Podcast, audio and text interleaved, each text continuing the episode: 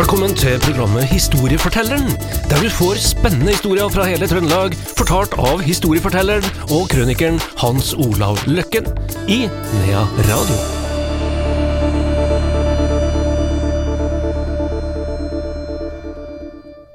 Historiefortelleren med spesialutgave jul er tilbake igjen. Hans Olav Løkken og Andreas Reitan er klar. Vi har eh, ja, jeg skulle til å si Vi har vaska gulvet, og vi har sendt julekort. Og så Nå er det like før, Hans Olav. Nå er det like før. Oi, oi, oi. Da skal vi skyte inn jula. Ja. Skyte inn? Ja, vi gjorde det i eh, bygda mi når jeg var liten. Eh, i dag, Vi ringer jo inn jula her. Og jeg bare sier det, at de siste årene, det er mange år, og jeg skal gjøre det også i år, så setter jeg meg ned da klokken er fem, mellom fem og seks julekvelden, for da har man et program på NRK, et tradisjonsprogram. Man ringer fra ulike klokker i Norge, kirkeklokker, og så får du litt av historia til klokka eller kirka.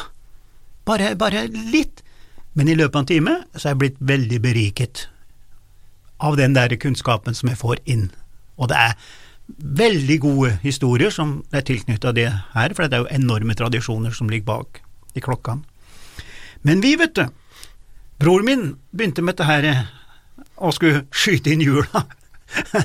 med Mauser, Krag Jørgensen, eller noe sånt. Det smalt jo, vet du, over hele Dovrefjellet, vet du, Snøhetta rista omtrent, vet du. Var det noe spesielt for Dombås, eller var det bare hjemme hos dere? Nei, jeg vet ikke, og det var noen flere som skjøt inn, da, og det, og det var jo ikke vi som har funnet på det, det har sikkert ligget der, men, men, eh, men eh, ja, og jeg har i og for seg ikke tenkt så mye mer på det, vi bare gjorde det. Et, et skudd utafor, da. For eh, våpen hadde vi jo, vet du. Det, er jo ingen som har så mye våpen som Norge, nordmenn. Jeg tror Norge er det som har mest våpen hjemme i forhold til folketallet. Men vi kritiserer jo Amerika og alle andre, men vi er visst ikke så mye bedre sjøl. Men det har jo med, med, med, jakt og tradisjoner som, som, eh, som uh, det tilhørte gården her.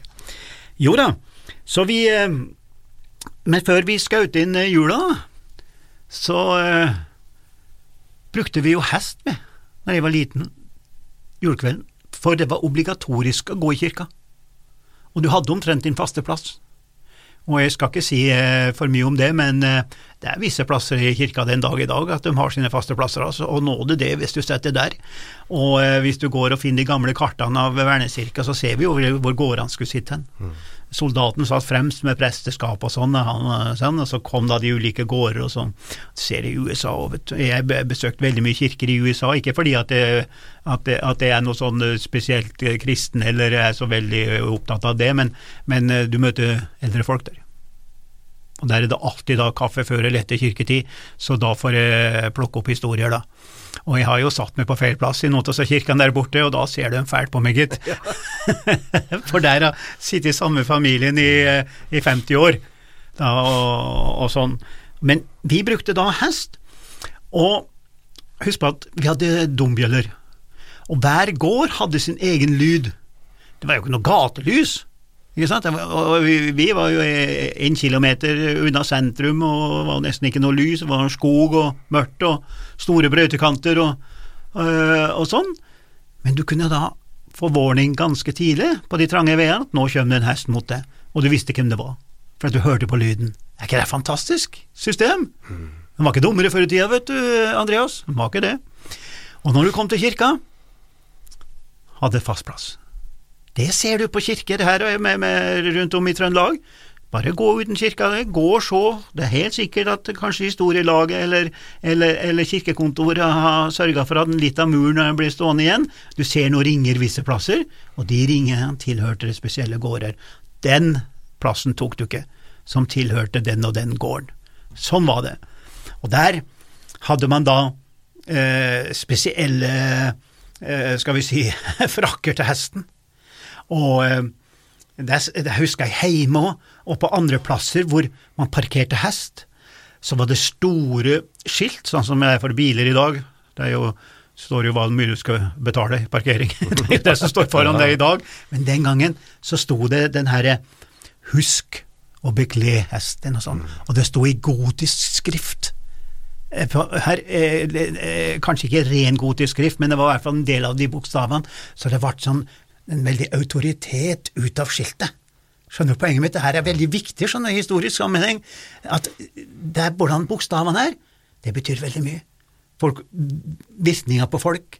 Så det her skiltet, som jeg har tatt bilde av, og som jeg har hjemme og sånn den dag i dag, det, det var ikke ubetydelig, altså. Det var, en, det var ikke en, en, lov eller en ordre, men det gikk i hjerte og hjernen på dem en eneste gang. Der, og der parkerte vi. Så var vi inne i kirka, og du kan si hva du vil, om du liker kirker eller ikke, om du er kristen eller ikke, men eh, når gudstjenesta på mange måter var ferdig, og du slukker alle lys og synger 'Deilig er jorden', hvis du ikke blir berørt av det, at da er du et farlig menneske. Du må ha såpass mye følelser i kropp og hjerne at du lar det berøre. Og jeg mener at det er en høytid. Uansett vær, uansett hvem som er der, men når du slukker lysene i kirka, og du synger Deilig er jorden, da er det håp i verden. Så eh, da var vi liksom ferdig med det, og så gikk vi hjem. Dyrene fikk spesielt stell. Ja, nissen fikk jo stell, han òg, og det kan vi jo bevise, at nissen var på låven. Og når jeg var liten, så var jeg jo der allerede etterpå, og se om nissen har vært der, og han har vært der. Han har alltid vært der, og jeg trodde selvfølgelig på det i mange år. Jeg tror fortsatt på det. Han har spist, vet, spist opp krauten sin? Han har kanskje ikke spist opp, men har spist. Ja. Og det var det er klart at musene de gjorde veldig god arbeid den natta, ja. så vi gikk jo i fella, selvfølgelig. Det var klart at nissen har vært der, det var ikke musene som har vært der. Og jeg, jeg liker å tro det den dag i dag, da. Ja. Sjøl om jeg vet at det er mye mus, for jeg har jo skutt mye mus med luftgevær på gården. her.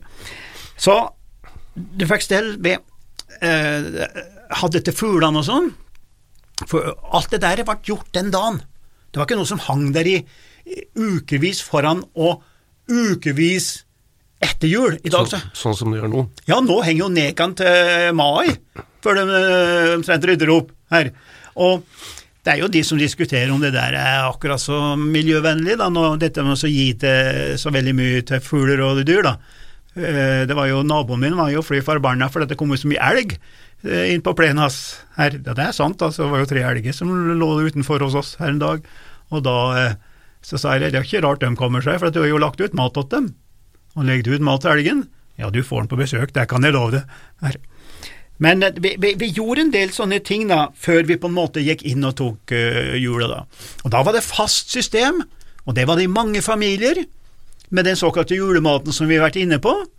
Vi hadde lutfisk. Uh, første dagen så var det kjøttmat. Annen dagen så var det kveitefisk igjen, osv. osv. Uh, skal komme senere tilbake til noen andre tradisjoner, men sjølve julekvelden, den var det, det, var jo gavene når du var liten unge, ikke sant. Det var et langt måltid, for du blir ferdig med den eh, forferdelige maten, eh, for da kom julenissen. Og vi har alltid hatt julenisse i min familie.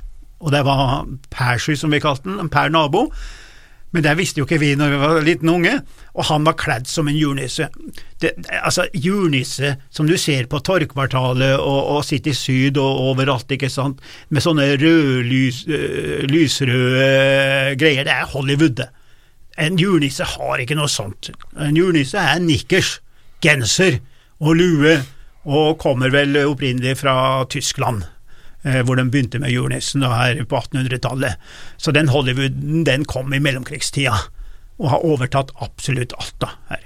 Men han Persky hos oss, han var kledd som en julenisse, med nikkers, strømper, en stor slags uh, pels og skjegg og alt mulig, og vi trodde at det var Hovdanissen.